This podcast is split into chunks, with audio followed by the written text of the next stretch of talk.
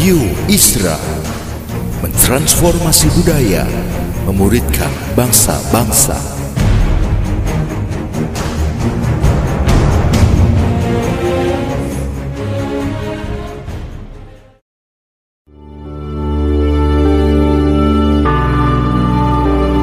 Apostolic Prophetic Messages mengungkapkan pesan dan arahan dari hati Tuhan bagi gerejanya demi menuntaskan mandat kerajaan Allah di Indonesia dan bangsa-bangsa. Selamat mendengarkan.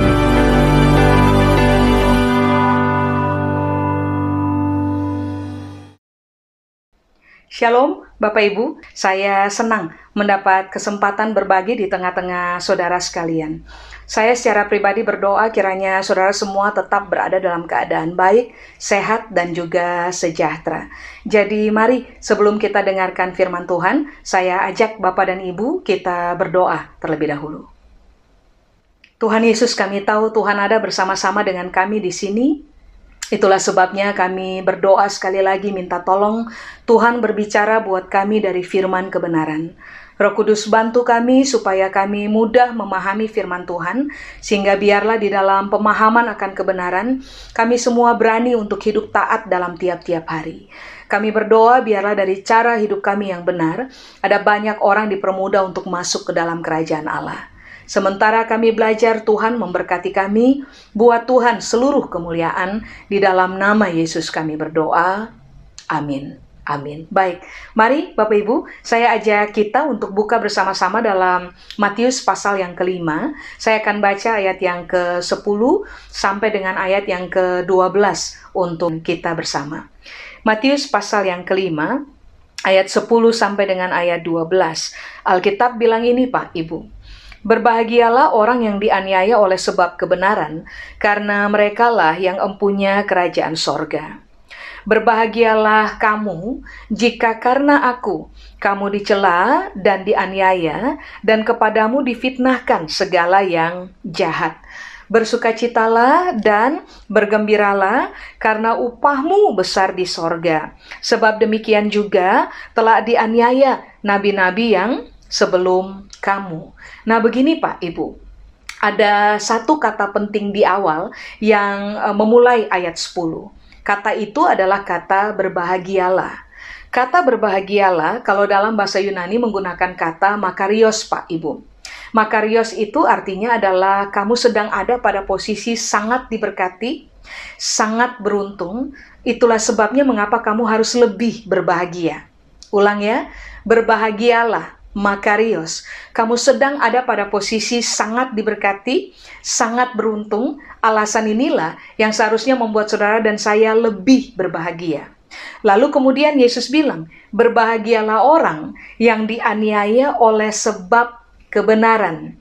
Garis bawahi, Pak Ibu, kita tidak dianiaya karena kita punya dosa kita tidak sedang dianiaya karena kita melakukan kesalahan atau pelanggaran. Tapi ini yang Yesus ajar. Kamu perlu merasa bahwa gini, kamu sedang sangat diberkati, sangat beruntung, kamu perlu ada pada posisi lebih berbahagia apabila oleh karena kamu mengerjakan apa yang benar, yang terjadi adalah kemudian kamu dianiaya.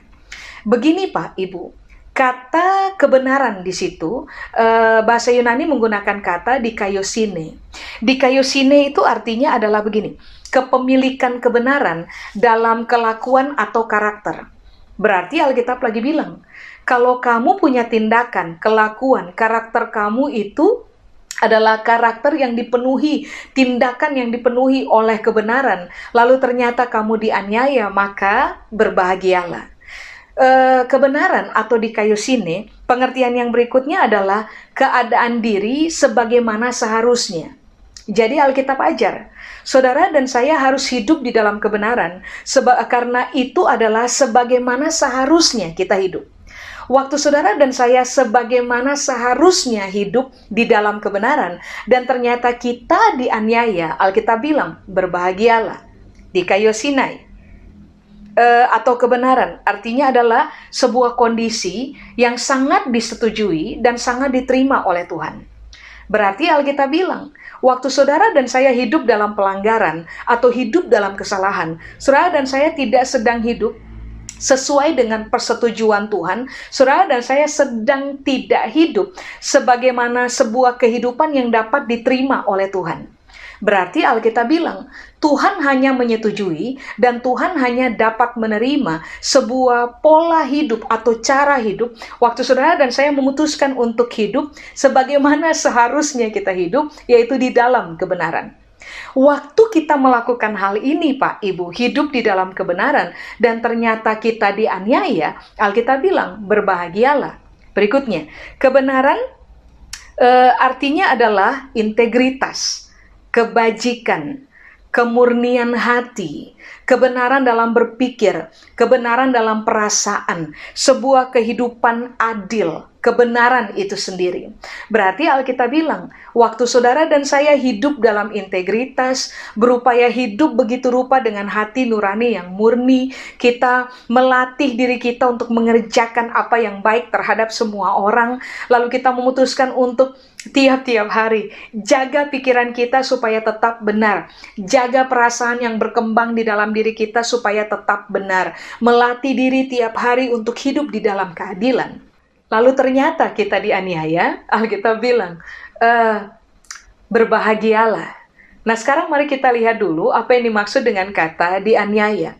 Kata dianiaya di situ, Bapak Ibu, dalam bahasa Yunani menggunakan kata dioko. Dianiaya atau dioko itu arti yang pertama adalah dibuat menderita. Arti yang kedua adalah dianiaya. Arti yang ketiga adalah ditekan begitu rupa. Tapi ini yang saudara dan saya harus perhatikan. Sebab waktu Alkitab menggunakan kata dioko, ditekan begitu rupa. Hasil dari ditekan begitu rupa adalah siapa pun yang ditekan itu akan bergerak maju. Berarti Alkitab lagi menegaskan bahwa waktu saudara dan saya dianiaya, maka hal yang oleh karena kita mengerjakan apa yang benar, maka hal yang akan terjadi dalam kehidupan saudara dan saya adalah kita tidak akan mundur, kita tidak akan mengalami keadaan stagnant, tapi yang terjadi adalah saudara dan saya akan ditemukan sebagai orang-orang yang ini yang Alkitab bilang, uh, press forward. Justru karena kita ditekan, kita moving forward, kita bergerak maju. Lalu berikutnya, kata dioko atau dianiaya, pengertian yang berikutnya adalah sebuah keadaan di mana saudara dan saya dilecehkan karena kita mengerjakan apa yang benar. Nah, kalau ditanya begini, kenapa kita mengerjakan apa yang benar, lalu kemudian uh, kita dianiaya, dan Yesus bilang, kamu sedang ada pada posisi diberkati dengan hebat oleh Tuhan. Kamu sedang ada pada posisi sedang beruntung Makanya kamu harus lebih berbahagia. Sebab ternyata ini yang Alkitab bilang. Satu, waktu kamu dianiaya oleh karena kamu mengerjakan apa yang benar, kamu akan ada pada posisi bergerak maju. Dua, kenapa waktu dianiaya karena kebenaran kita perlu berbahagia Pak Ibu? Sebab di ayat 10 Alkitab bilang begini, merekalah yang empunya kerajaan sorga. Semua kita tahu, kerajaan sorga bahasa Yunani menggunakan kata Basilea. Salah satu pengertian dari Basilea adalah pemerintahan Tuhan secara mutlak dalam kehidupan saudara dan saya. Berarti Alkitab bilang, kenapa saudara dan saya perlu berbahagia justru pada waktu kita hidup dalam kebenaran dan kita teraniaya. Satu, Alkitab bilang, saudara dan saya punya peluang sangat besar untuk bergerak maju. Tapi yang kedua, saudara dan saya sebenarnya pada momen itu, sedang ada pada track yang benar. Kita sedang memberi diri kita diperintah oleh Tuhan, diperintah oleh firman-Nya, diperintah oleh kehendaknya dalam kehidupan kita. Berarti kalau boleh, saya menyimpulkan dengan kalimat ini Pak Ibu. Waktu kita teraniaya karena kita mengerjakan apa yang benar, kita adalah orang-orang yang bergerak on the track. Kita tidak keluar dari lintasan, tapi kita sedang berada pada lintasan yang benar. Karena alasan ini seharusnya saudara dan saya justru waktu kita mengerjakan apa yang benar, lalu kita teraniaya, kita perlu merasa berbahagia, mengembangkan keyakinan, ah saya berbahagia, saya beruntung, saya sedang sangat diberkati sebab setelah kisah ini saya akan bergerak maju. Pada kisah ini saya sedang ada pada track yang benar. Tuhan sedang sangat leluasa memerintah saya dalam kehidupannya melalui firman kebenaran. Amin, Pak, Ibu. Makanya ini yang perlu kita latih diri kita, Bapak Ibu. Bangun pemikiran yang benar berdasarkan pemahaman kita akan kebenaran. Amin. Nah, mari sekarang kita lihat ayat yang ke-11. Alkitab bilang, "Berbahagialah kamu jika karena aku," Tuhan Yesus bilang, "karena firman-Nya, karena Kristus." Berikutnya, kamu dicela dan dianiaya dan kepadamu difitnahkan segala yang jahat. Berarti Alkitab bilang dari awal bahwa pada waktu saudara dan saya memilih untuk hidup di dalam kebenaran, taat kepada firman Tuhan, hidup dalam integritas, hidup dalam kebajikan, hidup dalam kemurnian hati, menjaga supaya pikiran kita tetap benar, perasaan di dalam kita benar, kita memutuskan untuk hidup dalam keadilan, dan ternyata Alkitab bilang begini, e, kamu akan mengalami tiga hal. Satu dicela, dua dianiaya, tiga difitnahkan segala yang jahat kepadamu. Kata dianiaya tadi kita sudah bahas. Nah, mari kita lihat dulu kata dicela. Baru kemudian kita akan lihat kata difitnah. Kata dicela di situ Pak, Ibu, Alkitab dalam bahasa Yunani menggunakan kata oneidiso. Oneidiso, dicela, itu sama dengan ada pada posisi begini Pak Ibu. Dicaci, dua, direndahkan, tiga, tidak dihormati, empat, dipermalukan, lima, dijadikan aib, enam, eh, dicoreng nama baiknya kita, tujuh, eh, orang akan berupaya balas dendam untuk kehidupan kita yang benar, Pak Ibu. Gak tahu bagaimananya, eh, bagaimana caranya orang bisa benci aja sama kita, sampai pada akhirnya mereka memutuskan untuk balas dendam kepada kita. Secara ini yang Yesus bilang, kamu hidup dalam kebenaran dan kamu hidup uh, karena aku.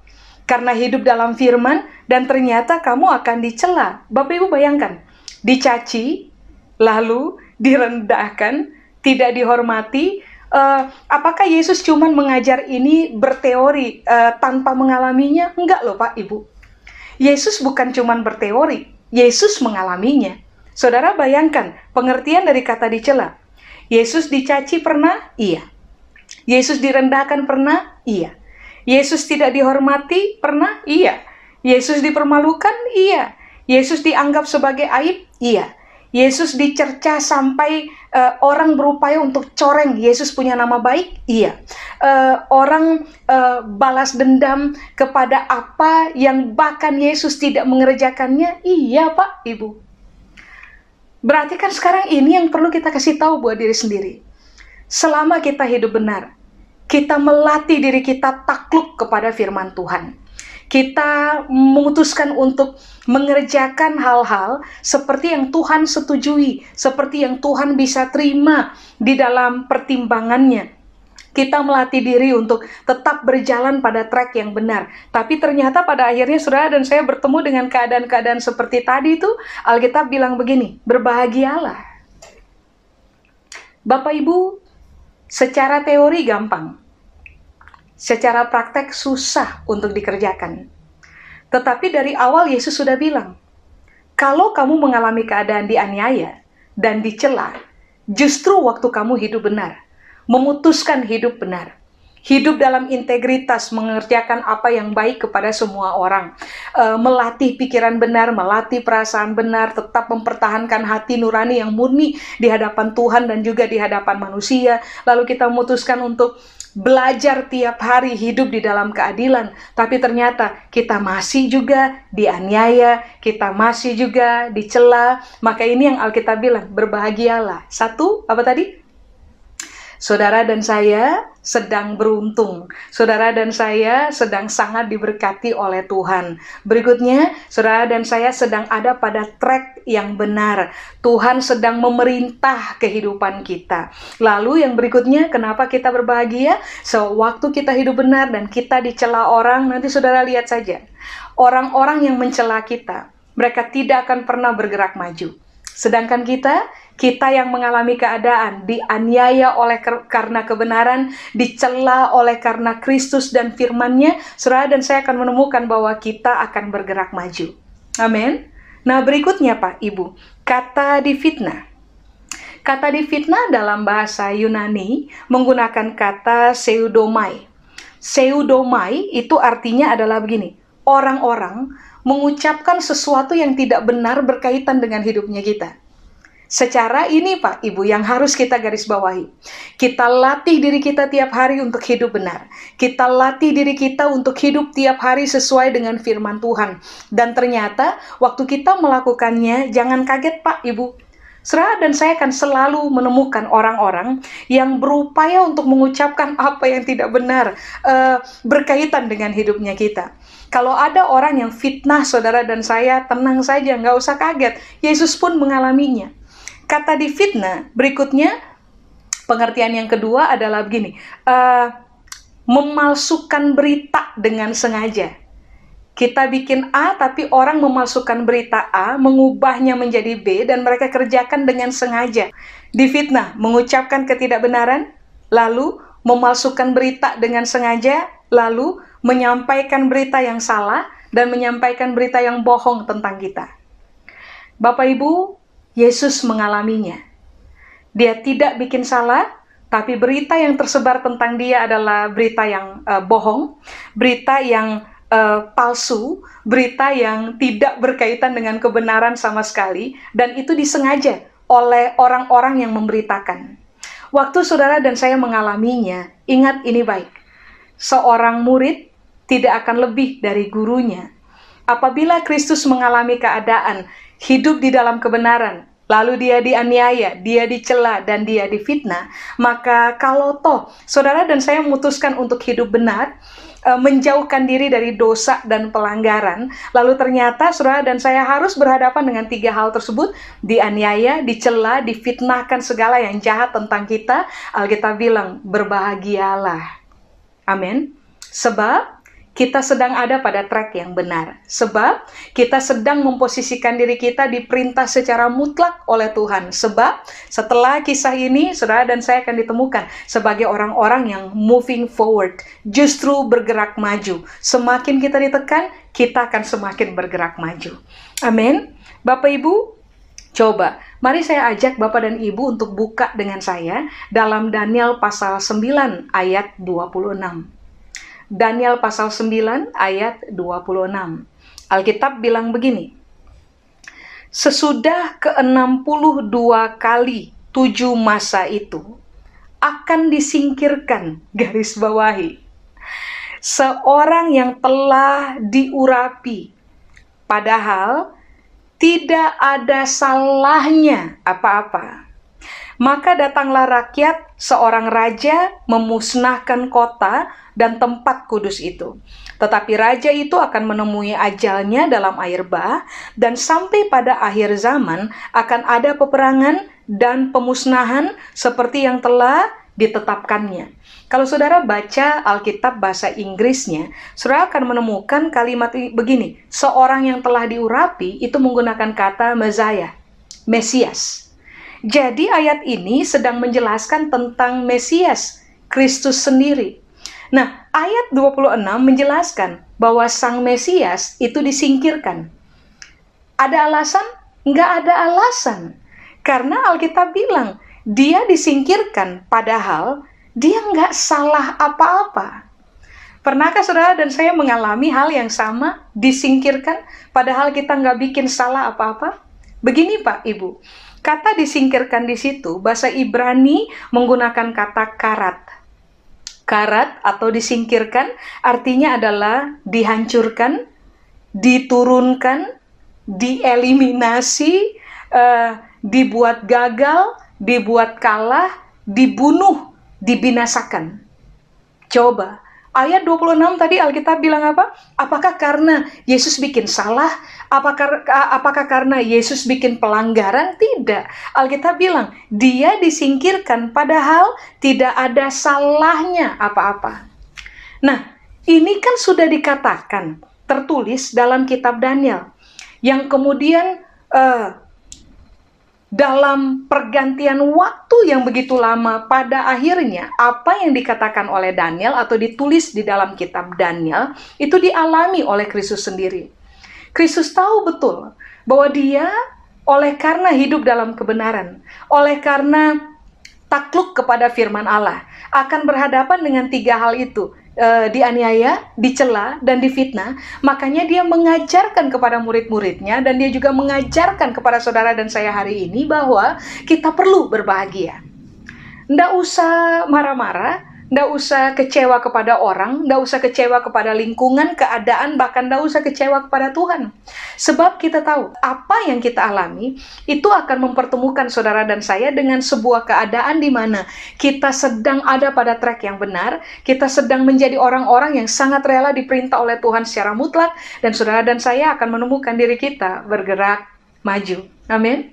Nah ayat 11 Alkitab tadi bilang, Berbahagialah kamu jika karena aku kamu dicela dan kamu dianiaya dan kepadamu difitnahkan segala yang jahat. Kita sudah bahas itu. Sekarang ayat 12 Alkitab bilang, berbahagialah diulang lagi Pak Ibu dan bergembiralah karena upahmu besar di sorga. Sebab demikian juga telah dianiaya nabi-nabi yang sebelum kamu.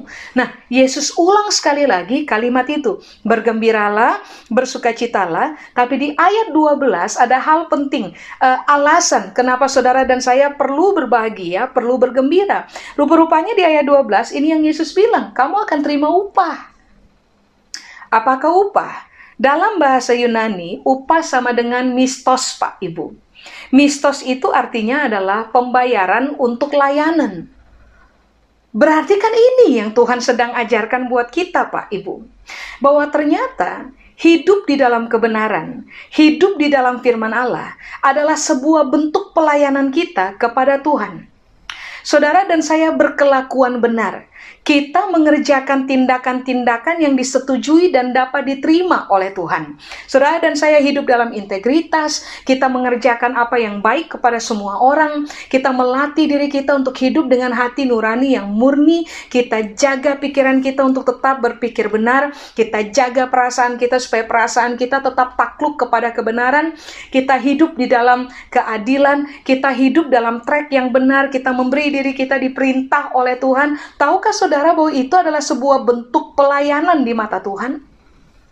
Saudara dan saya tidak hanya dikenal sebagai orang-orang yang melayani Tuhan di atas mimbar, Pak Ibu. Tidak hanya dikenal sebagai pelayan Tuhan waktu kita terima tamu jadi asyar di gereja, enggak loh Pak Ibu. Ada pelayanan yang jauh lebih tinggi yang Alkitab bilang ini, kamu akan terima bayaran karena layanan itu. Rupa-rupanya layanan yang dimaksud adalah, pelayanan yang dimaksud adalah waktu kamu hidup di dalam kebenaran dan ternyata kamu dianiaya, kamu dicela, kamu difitnah, segala yang jahat. Nah, Kristus adalah teladan buat saudara dan saya. Dia tidak bikin salah, tapi dia dianiaya. Dia tidak bikin salah, tapi dia dicela. Dia tidak bikin salah, tapi dia difitnahkan segala yang jahat. Dan apa yang Yesus kerjakan merupakan bentuk pelayanan yang kemudian membuat dia menerima reward. Nah, waktu saudara dan saya melakukan hal yang sama, saudara dan saya sebenarnya sedang memposisikan diri kita sebagai pelayan-pelayan Kristus, sebagai orang-orang yang sedang melayani kehendak Tuhan dalam kehidupan kita. Untuk alasan ini, Alkitab bilang, kamu perlu perlu bergembira, kamu perlu berbahagia, karena kamu akan terima bayaran dari Tuhan. Amin. Bapak Ibu, Filipi pasal 2 menjelaskan ini kepada kita. Kepada Kristus dikaruniakan nama di atas segala nama. Tidak ada kuasa di mana pun, di langit, di bumi, di bawah bumi, yang bisa mengalahkan Kristus. Kristus menerima rewardnya setelah begini. Dia hidup dalam kebenaran, dia takluk kepada kehendak Bapaknya, dia takluk kepada firman Allah, dan ternyata dia harus berhadapan dengan kondisi dicela, dianiaya, uh, ya, dicela, dianiaya, kemudian difitnahkan segala yang jahat kepadanya. Kenapa dia bilang, berbahagialah kamu, bergembiralah kamu, kamu sedang ada pada posisi sangat diberkati, sangat beruntung, berbahagialah karena kamu akan terima balasan, kamu akan terima bayaran dari Tuhan karena kamu sudah melayani Dia. Amin. Begini, kata upah atau mistos. Pengertian yang berikutnya adalah hadiah atau upah atau pahala karena sudah melakukan kerja keras atau bahkan sudah melakukan perbuatan baik sejalan dengan standar Tuhan. Berarti ini yang Alkitab bilang Pak Ibu. Waktu saudara dan saya nggak bikin salah Pak Ibu. Kita latih hidup kita, hidup di dalam kebenaran. Mengerjakan apa yang firman Tuhan ajarkan kepada kita. Lalu saudara dan saya harus berhadapan dengan aniaya, dicela, difitnahkan segala yang jahat. Tahukah saudara bahwa Tuhan menghitungnya sebagai satu, pelayanan, dua, perbuatan baik, tiga, kerja keras. Nah, untuk tiga alasan ini Yesus bilang, kamu akan terima bayaran dari Bapa. Kamu akan terima hadiah, kamu akan terima pahala dari Tuhan. Bapak Ibu, secara teori uh, ini gampang untuk dikotbahkan. Tetapi pada prakteknya, percayalah, saudara dan saya akan mengalami keadaan air mata yang terkuras sangat banyak. Bahasa saya, kita sampai berdarah-darah dalam kehidupan Pak Ibu. Kita harus berhadapan dengan realita uh, apa ya Pak Ibu? Keki aja gitu. Uh, bayangkan, kita udah bikin baik sama orang, kita berupaya hidup dengan hati nurani yang murni, kita bertahan dalam integritas, kita memutuskan untuk jaga isi pemikiran kita, jaga perasaan kita, latih diri kita one day at a time untuk hidup dalam keadilan dan ternyata masih juga dicela, masih juga difitnah, masih juga dianiaya tahap awal yang akan saudara dan saya alami adalah keki aja Pak Ibu. Kurang apa coba? Tapi daripada bertahan pada kondisi keki, lalu kemudian marah, kecewa, uh, apalagi ya, mengeluarkan kata-kata tidak pantas terhadap orang lain yang melakukan aniaya, celah atau fitnah yang jahat kepada kehidupan saudara dan saya, ini yang Yesus ajar. Putuskan untuk waktu saudara dan saya menghadapinya ada pada posisi tidak salah tapi disalahkan. Alkitab bilang begini, berbahagialah, bergembiralah, bayangkan Pak Ibu. Satu, saudara dan saya sedang berada pada track yang benar. Dua, saudara dan saya sah adalah orang-orang yang sedang memberi diri untuk diperintah oleh Tuhan secara mutlak dalam kehidupan. Tiga, saudara dan saya adalah orang-orang uh, yang Alkitab bilang ini akan bergerak maju. Berikutnya Alkitab bilang, saudara dan saya akan dibayar oleh Tuhan, uh, akan menerima pahala, akan menerima hadiah dari Tuhan, karena ternyata Tuhan lihat waktu kita hidup benar, kita dicela, kita difitnahkan segala yang jahat, lalu kita dianiaya. Ternyata Tuhan melihatnya bahwa kita sudah mengerjakan pelayanan kita, kita sudah mengerjakan kerja keras di hadapan Tuhan, dan kita sedang mengerjakan perbuatan baik sesuai dengan standar yang Tuhan ajarkan kepada kita. Amin. Bapak Ibu, Alkitab mengajarkan kepada kita bahwa waktu saudara dan saya memposisikan diri kita seperti yang Yesus telah wariskan keteladanannya buat kita. Yesus innocent, tidak melakukan salah. Kita kita latih hidup kita begitu rupa untuk jangan bikin salah di hadapan Tuhan dan di hadapan manusia. Kita mengerjakan apa yang sama seperti teladan yang Yesus wariskan kepada kita, melatih diri untuk innocent. Tapi ternyata waktu saudara dan saya harus berhadapan dengan keadaan aniaya, dicela, difinakan segala yang jahat, latih diri kita, pikiran dan rasa di dalam kita. Saya beruntung saya sedang diberkati oleh Tuhan. Itulah sebabnya saya akan memilih untuk berbahagia karena apa yang saya akan kerja, apa yang sedang saya kerjakan tidak sia-sia. Saya akan menerima reward dari Tuhan, upah dari Tuhan. Saudara dan saya hari ini mungkin menangis, tapi ingat ini baik. Waktu saudara dan saya tetap konsisten hidup benar, seperti Yesus melakukannya. Saudara dan saya adalah orang-orang yang di bagian akhir nanti akan tertawa, bahagia, menikmati kehidupan. Sebab apa yang Tuhan kerjakan buat kita, dia akan memberikan reward kepada saudara dan saya. Amin, Bapak Ibu. Saya selesai. Mari kita berdoa. Kami meminta Tuhan kekuatan dari Tuhan supaya pada waktu kami hidup benar, kami taat kepada firman Tuhan, lalu kami harus berhadapan dengan keadaan dianiaya, dicela, dan difitnahkan segala yang jahat. Kiranya kami memposisikan diri kami pada posisi yang benar. Kami berespon benar. Kami bergembira, Kami berbahagia sebab pada akhirnya kami tahu kami akan bergerak maju setelah kisah ini. Kami sedang ada pada trek yang benar. Kami sedang diperintah secara mutlak dan leluasa oleh Tuhan. Kami akan menerima upah, hadiah, pahala dari Tuhan, pembayaran dari Tuhan. Karena Tuhan menemukan kami telah melayani Tuhan dengan benar, kami menjadi orang-orang yang melakukan perbuatan baik dan Tuhan juga menemukan di balik kerja keras kami uh, kami layak untuk menerima upah dari Tuhan. Seluruh kebenaran ini kiranya Tuhan meteraikan dalam pertimbangan kami dan perenungan kami. Biarlah seumur hidup kami berani hidup taat kepada kebenaran, hidup sebagaimana seharusnya kami hidup, terlatih sebagai orang-orang yang berintegritas, uh, memiliki hati nurani yang murni, punya pikiran benar, perasaan benar, hidup dalam keadilan, terbiasa berbuat baik untuk siapa saja.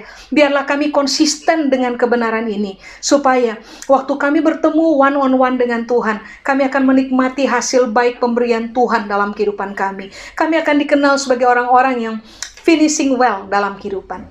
Tuhan memberkati kami turun-temurun. Kepada Tuhan seluruh kemuliaan. Di dalam nama Yesus kami berdoa. Amin. Tuhan memberkati Bapak Ibu.